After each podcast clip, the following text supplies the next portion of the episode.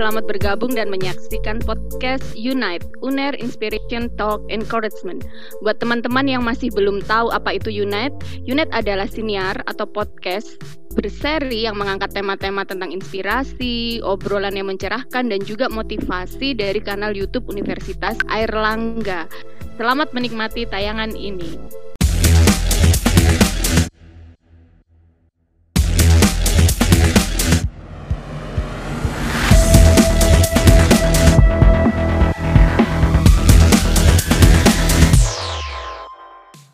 Guys, bagaimana kabarmu hari ini? Semoga tetap sehat dan bahagia ya.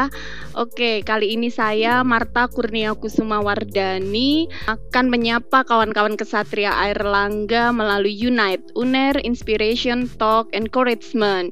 Nah, topik kita kali ini cukup menarik yaitu tentang inovasi, kolaborasi dan disiplin diri. Nah, narasumber kita kali ini juga cukup menarik dan pastinya sudah tidak asing buat eh, kawan-kawan uh, sekalian. Beliau ini muda, berbakat dan penuh inovasi. Siapa lagi kalau bukan Bapak Emil Dardak, Wakil Gubernur Jawa Timur. Selamat datang Bapak Emil. Gimana Pak kabarnya Pak? Baik, alhamdulillah. Ya, tentunya masih ini ya kita masih tengah uh, berjuang dengan adanya pandemi Covid-19 cukup menguras tenaga ya Pak. Ya tentunya buat semua bukan hanya bagi kami tapi bagi semua masyarakat tentunya sedang prihatin Kak. Ya oke okay. kita langsung saja ya Pak. Uh, ya. Ini ada beberapa jadi kita ketahui bersama nih Pak Emil kan menyelesaikan S1, S2, S3-nya tidak di Indonesia ya Pak ya dan e, bisa meraihnya di usia yang cukup e, muda nih. Nah, apa sih motivasi Bapak waktu itu ingin bersekolah di luar negeri dan langsung menyelesaikan dalam waktu singkat? Ya sebenarnya ini bagian dari perjalanan ya. Saya tidak pernah merasa bahwa pendidikan luar negeri itu superior daripada pendidikan di Indonesia tetapi bahwa menempuh pendidikan di luar negeri memberikan kita kekayaan perspektif itu sudah mutlak pasti. Karena kita akan berjuang merantau di negeri orang jauh dari keluarga dan uh, tentunya statusnya sebagai pendatang gitu ya di sana. Bukan hanya saat pendatang uh, apa bukan yang merantau dalam negeri tapi luar negeri tentu banyak tantangannya. Masyarakat yang sangat berbeda dan uh, tentunya kita juga berharap uh, kalau kebetulan saya memang di tempat yang bukan hanya dari Indonesia yang pendatangnya, tapi kan dari berbagai negara lain. Jadi bukan hanya kesempatan untuk menyelami uh, pendidikan dan masyarakat di negara tersebut, tetapi juga uh, diversity atau keanekaragaman yang ada dari berbagai pelajar yang atau dosen yang datang ke negara tersebut. Jadi itulah yang menjadi motivasi waktu itu dan dimulai dengan saya mendapatkan beasiswa setelah me memenangkan juara satu uh, kompetisi pelajar teladan se DKI Jakarta. Uh, kemudian uh, itu menjadi aset untuk kami mendaftar, gitu. saya mendaftar ke uh, beasiswa ASEAN, ASEAN Scholarship. Kemudian saya berkesempatan sekolah uh, SMA di Singapura. Wow, menarik sekali nih. E, gimana waktu bersekolah di sana itu memang ada kesulitan tersendiri ya enggak Pak untuk beradaptasi istilahnya kan? Ya berbagai macam hal ya. Satu tentunya e, bahasa ya, walaupun bisa bahasa Inggris, tapi kalau di akademik itu bahasa Inggris beda loh ya. Academic English sama conversation English beda gitu. Jargon-jargonnya beda dan ya eh, nggak gampang kita mungkin saat berangkat dari Indonesia ya dengan mungkin uh, apa sudah punya titik zona nyaman sendiri terus harus keluar dari zona nyaman itu ketemu kompetitor dari berbagai negara. Waktu itu orang-orang Vietnam sama RRC itu luar biasa itu uh, geniusnya gitu ya. Dan kita harus berkompetisi jauh dari keluarga. Nggak punya teman-teman yang sudah bersama sampai menjelang SMA kemudian kita harus jauh dan membangun pertemanan baru gitu. Jadi ini tentunya bukan sesuatu yang uh, gampang bagi ABG waktu itu ya usia ABG atau ABG atau remaja. Dan uh, dan Singapura itu amat sangat disiplin gitu. Jadi uh, tentunya uh, dan kita tahu hari ini Singapura adalah salah satu negara yang punya daya saing tertinggi di dunia gitu. Bahkan kampusnya sudah nyalip negara-negara maju seperti Australia dan Jepang kampus di Singapura itu. Dan saya kebetulan dapat sekolahnya di Raffles Institution sekolah yang sudah berdiri dari tahun 1823 didirikan oleh uh, Thomas Stafford Raffles yang pernah menjadi gubernur jenderal di Indonesia ya di India Belanda waktu itu kan dan dia kemudian pindah ke Singapura waktu itu masih Temasek Island. Nah sekolah itu alma maternya Lee Kuan Yew dan memang uh, istilahnya siapa pun yang secara akademik unggul itu uh, bisa masuk ke kampus uh, ke sekolah itu di Singapura. Jadi tentunya ada pressure yang luar biasa tinggi saat itu ditambah kondisi personal. Tetapi ya nggak boleh menyerah ya kita harus memaksimalkan uh, apa uh, kesempatan emas yang diperoleh. Ya, jadi setelah belajar itu kira-kira apa sih yang didapat nih dari Pak Emil? Wah, berarti harusnya perjuangan mungkin terutama untuk mahasiswa nih tentunya nih Pak Emil. Jadi sebagai seorang mahasiswa itu apa sih yang uh, harus dilakukan nih untuk mencapai cita-citanya? Nah, itu kan saya masih di SMA gitu ya. Kemudian habis itu saya Uh, tadi kan disampaikan ada satu fokus terhadap usia saat saya menyelesaikan seluruh rangkaian pendidikan saya gitu. Itu memang by design. Saya memang sudah menetapkan target waktu itu. Jadi saat itu saya terinspirasi sebuah buku yang saya baca mengenai uh, seorang tokoh ekonom ter, uh, ternama di Indonesia kebetulan ayahnya Pak Menteri Pertahanan sekarang Pak Prabowo yaitu Bapak Sumitro Jaya Hadikusumo dan saya melihat di biografinya beliau lulus PhD di usia masih 25 apa mungkin 24 atau 2 lupa saya 26 pokoknya di kisaran itu dan saya termotivasi bahwa saya ingin lulus uh, eh, PhD di usia yang uh, sangat muda gitu. Dan waktu itu saat waktu saya menetapkan target saya mungkin usia saya masih 14 atau 15 tahun. Wow. jadi akhirnya saya mengambil satu langkah yang cukup uh, ekstrim saya tidak melanjutkan ke Singapura, tetapi saya mengikuti program uh, ujian masuk perguruan tinggi di Amerika, tapi bukan ke Amerika karena ujiannya diselenggarakan di berbagai negara. Nah, karena kurikulumnya beda, saya harus ke perpustakaan umum di sana untuk meminjam buku-buku dan belajar sendiri uh, mempersiapkan untuk ujian gitu.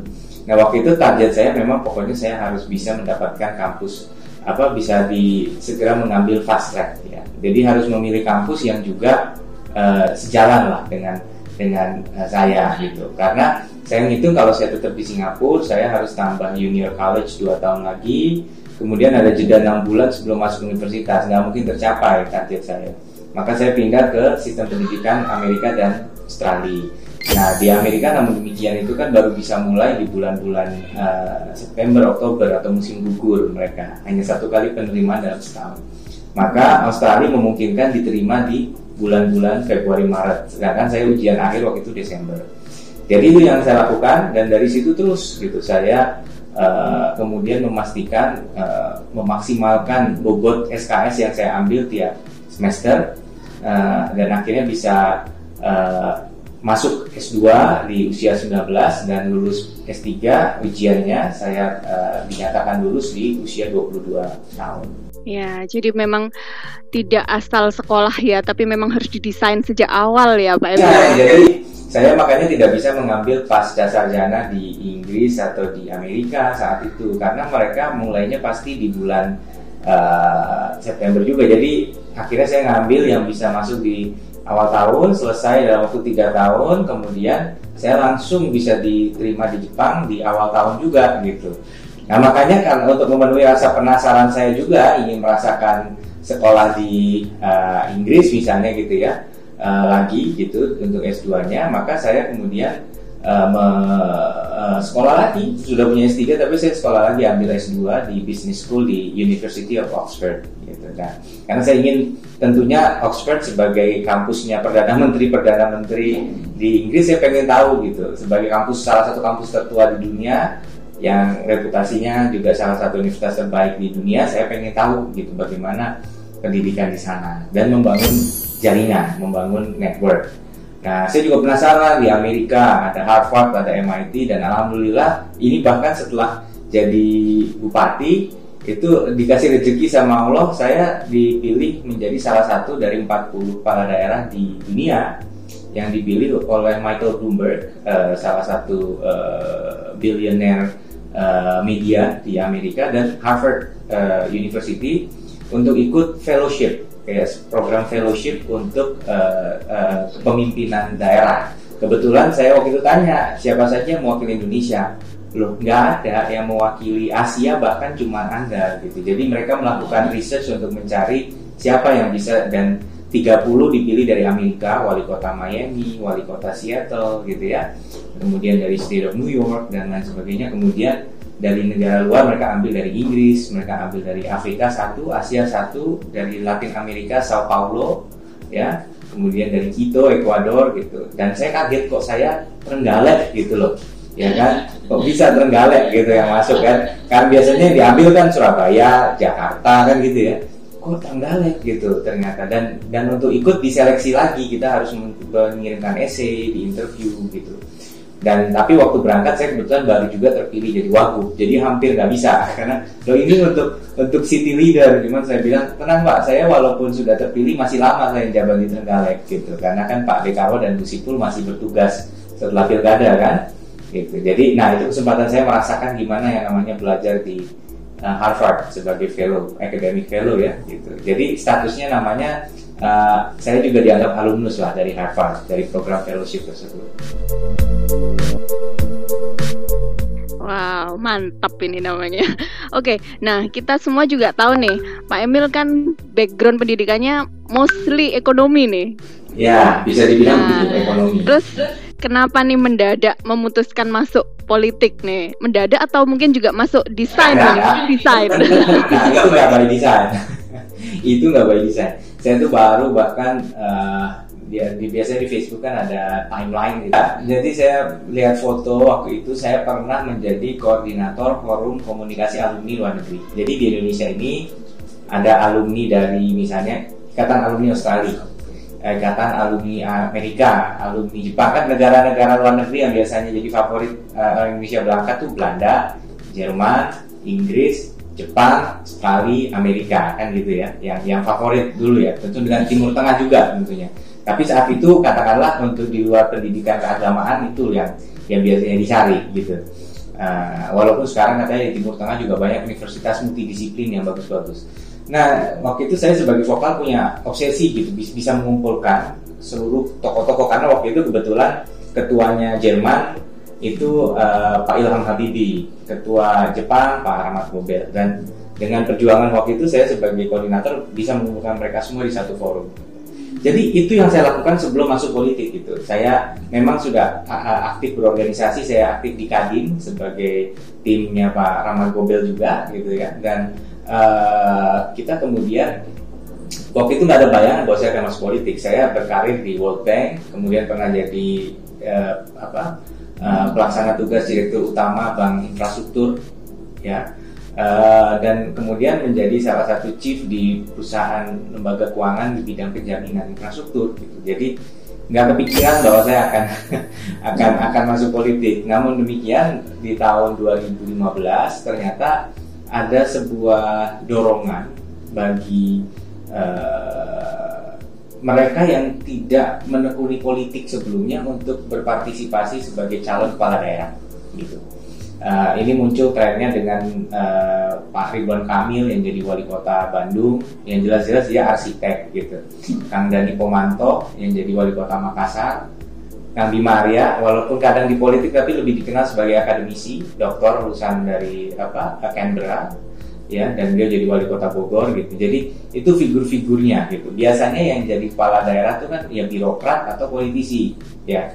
Nah inilah yang kemudian uh, akhirnya saya dikontak oleh uh, waktu itu ada beberapa daerah yang men, istilahnya membuka uh, bahkan mengajak lah gitu untuk saya mempertimbangkan maju gitu.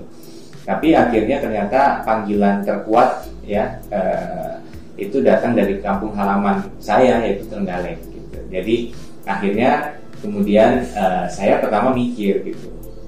Kalau saya jadi bupati saya bisa berbuat apa untuk Trenggalek gitu. Saya ini kan lebih banyak ngurusin apa pembiayaan untuk proyek yang nilainya triliunan ya seperti pembangkit listrik, jalan tol ya dan telekomunikasi. Waktu itu saya juga di tengah uh, sedang mendorong bersama mantan Menkominfo saat itu Pak Rudiantara uh, Palaparing di wilayah timur. Jadi itu yang membuka akses broadband di wilayah timur Indonesia menggunakan skema pembiayaan public private partnership.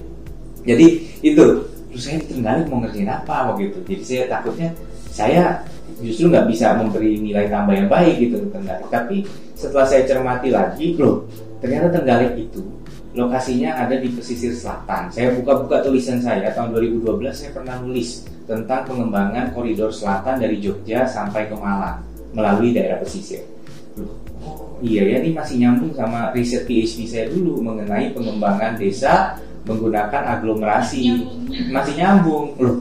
Kalau akhirnya saya termotivasi bahwa iya kalau gitu mungkin ini memang sudah jalannya tapi yang saya korbankan banyak karena bagi orang yang sudah lama berkarir ya di jalur profesional, masuk politik itu akan membuat kita dapat cap gitu, cap yang susah hilang, ya. Iya gitu. Waktu itu tuh pandangannya masuk politik tuh ada capnya tuh, capnya stempelnya nggak bisa hilang sehingga katakanlah saya nggak berhasil balik lagi ke profesional tidak semudah itu, tidak semudah itu untuk masuk. Nah, kemudian tapi saya uh, harus mundur dari jabatan yang saya baru dapat promosi lah gitu kira-kira. Mungkin belum ada setahun lah saya dapat promosi apa setahun setengah gitu ya. Dan meninggalkan semua kenyamanan. Saya baru menikah anak baru lahir yang baru umur berapa bulan baru ada rumah di Jakarta yang dirintis bareng sama keluarga kecil saya gitu kan. Terus saya harus hijrah lah harus ke Trenggalek ya. Uh, mundur nggak ada income karena nggak kerja nggak ada income kan dan bahkan harus mantap nih makan tabungan untuk modalin kampanye ya kan. Tapi kemudian uh, ya untungnya keluarga kecil saya istri saya mensupport gitu mengatakan bahwa usia di usia muda justru kalau memang kamu merasa mampu ya ya. Ya sudah lakukan gitu. Cuma mungkin dia ngasih cuma dia ngomong tapi kalau nggak berhasil siap. Ya udah kita balik lagi ya. Gitu. Gitu balik lagi ke, ke tapi ternyata takdir berkata lain ya saya dan itu penuh pengorbanan. Saya sempat masih bekerja di kantor tiap hari Jumat sore. Saya ngejar pesawat paling malam dari Jakarta ke Surabaya. Dan dari Surabaya ke Trenggalek belum ada tol kayak sekarang. Sekarang gampang mau ke Trenggalek. Saya kemarin mendadak karena kasus COVID naik di Trenggalek saya langsung mendadak cepat kita berangkat ke Trenggalek. Ya nah kalau dulu lima jam mampir ke Trenggalek gitu ya. Dan uh, sekarang jauh lebih cepat. Nah dulu itu saya nyampe malam saya langsung jalan ke Trenggalek mulai beraktivitas pagi hari Sabtu sampai Minggu. Menjelang maghrib saya segera ngejar lagi ke Surabaya untuk ngejar eh enggak uh, saya sampai malam terus ngejar pesawat subuh hari Senin langsung landing di Jakarta langsung ke kantor. Itu saya lakukan selama berbulan-bulan untuk sosialisasi di Trenggalek sambil tetap produktif bekerja ya. Dan kemudian ternyata di survei gitu. Dan di survei waktu itu uh, apa saya pikir tadinya intinya di politik kan kadang geeran juga ya gitu. Orang pasti ngomongnya manis-manis nih buat teman-teman mahasiswa. Kalau di politik pasti manis-manis lah ngomongnya wah anda ini sangat didambakan anda pasti menang wah mutlak nggak ada lawannya gitu jadi saya juga ada juga satu sisi waktu disurvei oleh uh, Kang Burhanuddin tadi ya yang cukup terkenal kan ya survei itu saya mikir ya pokoknya saya pengen tahu nih apakah saya betul punya peluang atau enggak. Dan bayangan saya hasilnya hanya akan ada dua. Hasilnya adalah saya mutlak akan menang, ya, atau benar-benar hopeless. Kalau hopeless saya akan ngomong kepada tokoh-tokoh yang ngajak saya, udahlah realistis aja nih, gitu kan, nih lo survei. Ya karena saya ada satu sisi saya juga bahwa ini loh yang saya pertaruhkan masa depan saya gitu. Jadi tentunya kita harus harus juga pakai calculated risk, jangan nekat-nekat aja gitu. Nah ternyata nggak dua-duanya hasilnya mbak nggak mutlak menang tapi juga nggak hopeless. Jadi elektabilitas saya itu terpaut tipis sama petahana wakil bupati saat itu yang merupakan calon terkuat. Ya jadi saya tanya waduh ini pasti menang? Belum tentu. Tapi kira-kira gimana? Ya kansnya besar gitu. Sangat besar kesempatannya tapi belum pasti. Dan situ saya harus benar-benar mengambil satu keberanian gitu bahwa saya maju dalam sebuah pertarungan yang saya belum pasti menang gitu. Nah cuman memang beberapa bulan kemudian ya. Jadi ini ilmu politiknya gini. Saya sudah punya elektabilitas yang di dalam margin error. Lebih tinggi petahana wakil bupati tapi bedanya tipis. Itu namanya di dalam margin. Itu yang disebut elektabilitas. Nah ada popularitas. Seberapa dikenal kita di publik? Ternyata tingkat saya dikenal di publik tidak ada sepertiganya saingan saya. Artinya apa? Oh ternyata orang itu mungkin belum milih karena belum kenal tetapi dari yang kenal mayoritas memilih anda. Oh jadi tinggal mengenalkan diri insya Allah naik gitu. Nah itu indikator yang yang kemudian jadi tolok ukur. Uh, uh, gitu. Jadi kan kan itu dia. Tapi kadang-kadang kan ada kita juga udah kenal banyak toko tapi kan juga ada saatnya kemudian orang yang kenal memutuskan dia ini layak gitu. Nah cuma di kasus saya saya nggak melalui fase itu. Orang yang kenal langsung mau gitu.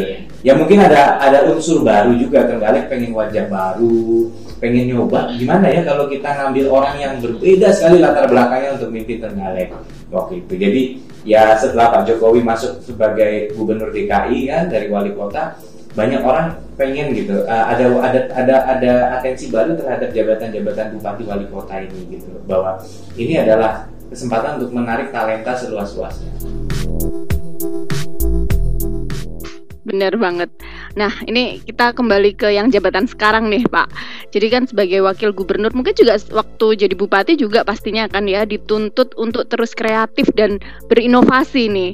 Nah, jadi bagaimana nih uh, Pak Emil sendiri nih untuk menumbuhkan ide-ide inovasinya itu seperti apa? Apakah harus menyendiri atau pergi ke mana atau baca buku. Nah ini gimana nih kiat-kiatnya Pak In, inspirasi saya dapat dari berbagai ini ya. Tapi saya bukan tipe yang meditasi terus dapat ilham wangsit itu enggak gitu. Saya baca jadi baca majalah. Tapi saya memang sering membaca dan menonton uh, yang dari luar negeri gitu.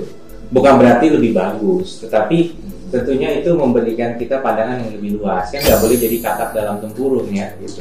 Tapi saya juga sebagai uh, pemimpin daerah harus banyak ke bawah ke, ke lapangan gitu. Jadi saya merasakan lah kayak kemarin waktu saya ke Trenggalek gitu ya di rumah sakit terus uh, apa uh, wartawan ayo pak nggak dicek tempat tidurnya gitu saya maksudnya gimana? Iya masuk kan saya datang kan sebagai wakil gubernur gitu. Jadi sebagai wakil gubernur ada bupatinya dan di sana kan bupatinya yang ngurusin masa uh, urusan bupatinya di take over wakil gubernur kan nggak tepat gitu. Apalagi bupatinya juga kompeten sekali kan. Dia dulu waktu bupati saya masih pin gitu. Cuman kan kita sebagai provinsi harus hadir mbak. Nah ternyata diingatkan iya kan dulu biasanya kalau saya mengurus puskesmas tuh tempat tidurnya pasien saya tidurin gitu. Itu karena pengen tahu rasanya gimana tidur situ gitu. Ya tentunya kalau sekarang di posisi nggak nggak lah gitu kan karena sudah sudah beda kapasitas tapi itu bagian dari dari bagaimana kita nyelamin itu menyelami uh, apa kondisi di lapangan gitu. Jadi kalau kita uh, dan ini ini bahkan uh, ilmu ini juga dipakai untuk desain thinking di MIT di Massachusetts Institute of Technology. Di Harvard pun dikembangkan dengan nama uh, apa Harvard mengembangkan ini dengan nama human centered atau human oriented design gitu ya. Jadi merancang segala sesuatu harus mikirin yang menggunakan. Jadi waktu saya di uh, Boston uh, ikut program MIT, MIT itu kayak mungkin uh, kampus ITB atau ITS-nya di Amerika lah gitu ya. Gitu. Jadi Harvard itu kayak UNER. Makanya saya selalu bilang UNER dan IPS itu nah, harapan saya kayak seperti Harvard dan MIT, saling berkolaborasi untuk mencetak inovasi yang luar biasa. Dan salah satu program kita bahkan belanja inovasi Nova udah ada banyak kolaborasi ITS dan UNER untuk teknologi medik. Misalnya uh, ventilator kita sudah berhasil uji klinis nih di uh, eh, RSUA, ya kan? Itu. Kemudian uh, ini ini salah satu inovasi. Sekarang juga konsentrator oksigen mungkin akan di, dilakukan. Jadi tadinya namanya EVITS ya emergency ventilator ITS jadi EVITA emergency ventilator ITS dan UNER gitu. Jadi Erlangga. Jadi balik lagi ke MIT waktu itu saya kita diminta gimana cara mendesain kereta bawah tanah itu stasiunnya itu lebih ramah penyandang difabel tadi. Gitu. Nah penyandang difabel terus saya pikir akan ada teori-teori atau teknologi baru gitu yang digunakan ya kan banyak teknologi yang bisa membantu. Ternyata enggak gitu? Saya suruh pakai kruk gitu loh kayak tongkat yang dipakai untuk orang yang lagi di gips kakinya. Kamu jalan keliling kota Boston naik subway rasakan ini. Pergi berlima ganti-gantian pakai kruknya. Ternyata setelah kita nyoba pakai itu turun tangga pegangannya berapa lama untuk masukin tiket tempat untuk naruh jarak antara platform ke keretanya ininya ya itu kita jadi lebih peka karena kita ngejalanin sendiri nah jadi kepekaan itu muncul pada saat kita merasakan sendiri nah inilah sebabnya gitu saya semua program-program pemerintah Misalnya kan sekarang pemerintah hobinya ngeluncurin apps, benar nggak? Dikit-dikit apps, apps, apps, apps. Sisi gampang aja. saya buka di App Store nih kalau dari Bangga kan gitu. Saya buka di App Store lah dua bulan tiga bulan kemudian lihat berapa yang download. Kalau yang download masih dikit ya artinya belum bermanfaat gitu nggak masalah. Kedua saya coba. Makanya ada aplikasi Opopmat misalnya One Pesantren One Product gitu. Uh, saya coba belanja sendiri gimana caranya. Maka saya bisa ini lo susah transfernya atau apa. Dan saya baru ketemu oh ternyata mau beli keripik satu uh, biji aja ongkos kirimnya bisa dua kali lipat karena sourcingnya langsung dari Probolinggo misalnya harusnya barang itu ada gudangnya yang deket sini gitu misalnya kalau memang ngincer pasar Surabaya nah inilah yang bisa dilakukan gitu termasuk sekarang lagi gencar di covid ini kan aplikasi silacak gitu kan? Gitu hmm. silacak nah kalau saya minta password sama username dari situ saya bisa tahu gitu. Makanya kemarin komunikasi sama Bukadinkes Surabaya. Bukadinkes ini kok datanya Surabaya kecil. Oh iya pak. Ini karena memang kita sudah tracing banyak tapi uh, relawan entry-nya nggak ada gitu. Saya kontak Pak Pangdam juga. Pak Pangdam ini situasi di Surabaya kemudian tadi pagi baru di WA tadi subuh sama Bu Penny. Bu Kadinkes Alhamdulillah Pak ini sudah sebelas setengah sekarang rasionya. Satu banding sebelas setengah jadi uh, menurut saya ini ini ini kalau kalau kita mau punya inspirasi cari saya suka baca makanya saya langganan majalah Nikkei kemudian kadang baca Economist baca media-media asing satu karena media itu juga memilih apa yang ditampilkan punya editorial yang ketat gitu ya. Kemudian saya suka nonton YouTube YouTube-nya yang saya tontonin jadi YouTube YouTube misalnya tentang ya tentang video yang informatif gitu. Nggak berarti setiap saat saya nonton itu yang receh-receh juga saya tonton gitu. TikTok juga saya lihatin kadang-kadang. Tapi maksudnya kan tahu kapan ngeremnya iya gitu. Kalau kan sehari begini aja berjam-jam gitu. Tapi juga harus mengakar di tempat di mana kita mengabdi kita harus tahu gitu. Oh ini loh yang dirasakan gitu Nah, ini ini ini ini kombinasi dari kedua ini insya Allah akan memberikan inovasi yang yang yang real di tengah masyarakat.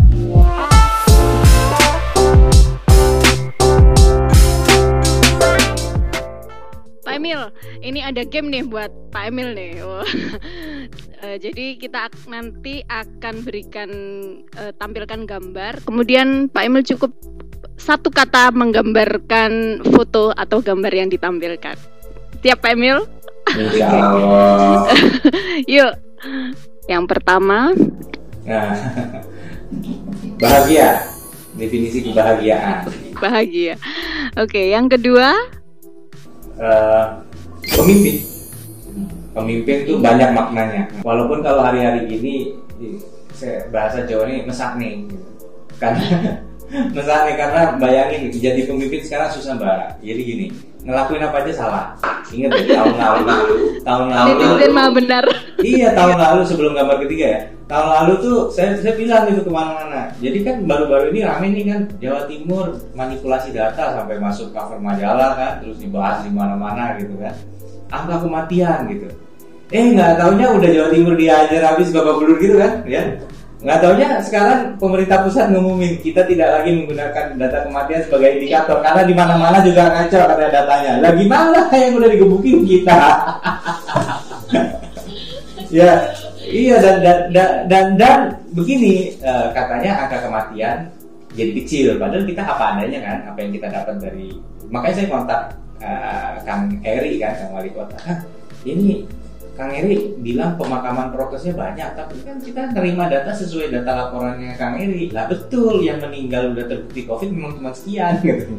Tapi yang pemakaman prokes sekian. Lah terus kan data kita pakai SOP, data nggak nggak seenak-enak kita, seenak jidat kita aja kan. Kita ambil data itu, jadi data yang dilaporin kita publish gitu. Nah, udah gitu Bu Gubernur bilang ini loh datanya nih apa sekian sekian apa daerah Jawa Timur yang konsisten. Apa yang dilaporin ya dari korting segitu gitu kan. Daerah-daerah lain kan justru laporan dari bawah sekian dari sekian yang yang di provinsi direkap sekian gitu. Nah udah gitu di satu acara kemudian yang nerbitin tabelnya itu kan non pemerintah gitu. Iya memang betul tapi itu artinya yang yang daerah kabupaten kota sama gubernurnya kompak nggak kecil lah gimana? Tiba-tiba sekarang dianggap kompak mengecilkan. Nah saya jadi inget tahun lalu. Tahun lalu buku bener juga dihajar. Karena katanya kita membesar-besarkan angka kematian dan covid di Surabaya. Inget kan? Gitu. Jadi pesannya itu artinya bahwa apa apa sangat sangat rawan gitu. Uh, ada ambivalen atau bahkan inkonsistensi gitu dalam. Nah ini juga terjadi karena di tengah suasana masyarakat yang terbelah saat ini Jadi ada polarisasi yang merasa COVID itu sangat dangerous dan harus disikapi dengan eks, ketat, ekstra ketat itu sama banyaknya dan banyak dengan yang menganggap yang menganggap COVID itu memang oke okay, ada tapi nggak usah lebay. Jangan lebay lah jangan dikit-dikit nggak boleh. Ini ini sama banyaknya gitu. Iya. nah sehingga kalau kita komentar yang lagi ke sini yang ini nggak hajar dan lucunya dan lucunya yang di sini yang happy diem. Yang happy iya, diem. iya, nah jadi kesannya ini doang yang beneran begitu kita komen yang ke sini yang ini ngamuk gitu. jadi misalnya saya bilang kita tidak akan menahan bantuan bagi orang yang belum bersedia divaksinasi itu keputusan dari atas tapi saya pastikan supaya clear kan gitu Begitu saya mengumumkan yang menghajar bilang saya ini taat konstituen bukan konstitusi, gitu kan? Uh, tapi seandainya waktu itu saya ngomong, pokoknya kalau nggak di mau divaksin, anda nggak dikasih bantuan gitu. Nanti ada yang bilang loh, vaksin itu kan banyak komplikasinya. Kalau sugestinya jelek, divaksin bisa sakit. Ini ada kasus gini juga. Pasti ada yang ngajar. Yang happy diem, yang nggak senang pasti apa teriak gitu. Ya itu situasi hari ini. Iya yang terakhir nih, gambar yang terakhir. Pahlawan kita. Alhamdulillah. Saya dari nakes soalnya juga Pak Oh iya iya iya. Aduh, berjuang di frontliner itu juga butuh ini. Sudah di booster dengan Moderna. Udah. Sudah, sudah merasakan Moderna am. Sudah. Meriang-riang. Iya, bener-bener kayak viral ini infection gitu. Iya di, di simulasi ya ini loh rasanya. Tapi ini masih penting dari yang sebenarnya karena kan dia me, me, me, menggunakan teknologi messenger RNA ya gitu. Kemudian dia me, memberikan simulasi apa terhadap gimana kalau di ini kan virus ya. Infeksi virus. Uh, uh, mudah-mudahan antibodinya makin kuat karena saya dengar yang mRNA basis ini itu uh, memang bisa terpapar virus, tapi uh, hospitalization rate-nya rendah sekali, apalagi death. Fatality rate-nya mungkin juga cukup rendah. Bukan hanya fatality, morbidity-nya juga katanya. Iya, iya. Nah, jadi nggak sampai harus diopnam kalau kena gitu. Ya mudah-mudahan Mbak Mata sehat terus. Amin. Saya tiap hari masih berkeliaran di rumah sakit.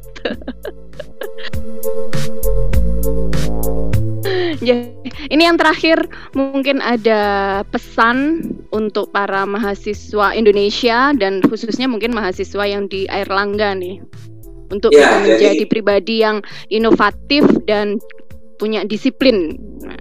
Ya, tentunya mahasiswa itu kalau di Jawa Timur angkanya kurang lebih 30% saja lulusan SMA dan SMK yang melanjutkan ke perguruan tinggi. Jadi sangat sedikit ya dan nggak semua punya kesempatan untuk uh, kuliah jadi harus disyukuri itu ya. Uh, ini bagi yang punya orang tua dan orang tuanya mampu juga harus bersyukur dan juga uh, jangan buat orang tuanya kemudian uh, sedih dengan tidak memberikan maksimal gitu. Tapi tantangan kita sekarang ijazah bukan jaminan ya kecuali profesi kayak Mbak Marta mungkin lebih jelas ya karena nakes gitu. Tapi kan banyak sekali yang ngambil jurusan saya, nah saya semalam tuh ada satu creative house yang diskusi sama saya. Saya lihat CV-nya ada yang lulusan apa hubungan internasional, ada yang lulusan hukum, tapi mereka ternyata mendalami creative arts, mendalami apa, dan nggak ada yang salah dengan itu. Jadi hari ini memang pendidikan di kampus itu bukan hanya ngejar jasa, tapi mematangkan diri kita, pola berpikir gitu. Makanya kalau di luar negeri itu ada namanya liberal arts college gitu yang dilatih itu pola pikir. Jadi kalau jadi anak uner tapi nggak dengerin podcast Unite misalnya, nggak lengkap hidupnya, ya kan? Karena karena kan sebenarnya ini kesempatan jadi mahasiswa kampus itu kan adalah merasakan gitu kehidupannya. Dan punya afiliasi gitu akan beda gitu ngomongin saya ngomong di acara lain dengan ngomong khusus untuk uh, Sivitas Akademika UNER. Karena saya akan mengcater omongan saya kepada UNER. Nah, khusus UNER sendiri one of the best university di Indonesia ya tentunya ada tantangan lebih itu harus ada excellence yang tinggi makanya saya sama Pak Dekan Visip sama Dekan FE ini kerjasama ada beberapa mahasiswa yang direkomend kita akan bikin tim perumus kebijakan sosial ekonomi misalnya gitu. Uh, tapi sekarang mereka belum lagi tapi udah saya jejelin banyak materi dari BPS dari mana gitu pengen lihat gimana mereka mendalaminya. Nah, uh, kita berharap betul bahwa mahasiswa itu sekali lagi ijazah bukan jaminan, tetapi tanpa ijazah tentu akan lebih sulit. Ya jadi ya akan lebih sulit. Beda dengan profesi dokter mungkin ya itu jelas gitu ya dokter nakes apa pun itu mungkin memang udah jelas orang uh, apa ngambil itu yakin akan di situ gitu yakin akan di profesi itu gitu uh, terus. Tapi ada profesi yang memang ilmu itu kita ambil untuk memper, membangun uh, kerangka berpikir. Nah kerangka berpikir ini akan terasa kalau kita ngambil kehidupan kampus secara holistik jadi jangan kupu-kupu kuliah pulang kuliah pulang gitu ya. Gitu. Jadi maksimalkan itu. Makanya uh, pengalaman yang saya dapat di Harvard salah satunya yang berharga di kelas itu bukan hanya profesornya tapi koleganya. Diskusinya itu menjadi penting. Jadi dia case study-nya Harvard itu kan selalu didesain untuk menstimulasi pola berpikir anak-anak yang juga terpilih dari latar belakang yang berbeda dengan intelektualitas yang tinggi. Mereka saling berdiskusi. Nah, jadi kelas itu bukan menjadi tempat pemberian ilmu pengetahuan, tapi knowledge creation, menciptakan sebuah ilmu pengetahuan. Nah, inilah kampus harus menjadi knowledge creation, bukan knowledge dissemination saja. Apalagi UNER harus bisa demikian. Oke, mantap ini. Thank you banget nih uh, Pak Emil untuk sharingnya hari ini. Semoga uh, kedatangan Pak Emil Dardak kali ini di Unite Uner Inspiration Talk Encouragement akan sangat membawa banyak manfaat buat kita semua ya. Dan tetap ingat karena kita masih di masa pandemi, tetap protokol kesehatan dijaga buat kalian semua teman-teman. Terima kasih. Terima kasih. Waalaikumsalam. Sehat selalu. Demikian Unite kali ini. Terima kasih telah banyak menonton episode bersama Bapak Emil Dardak, Wakil Gubernur Provinsi Jawa Timur. Semoga kita tetap sehat dan bahagia. Sampai ketemu lain waktu.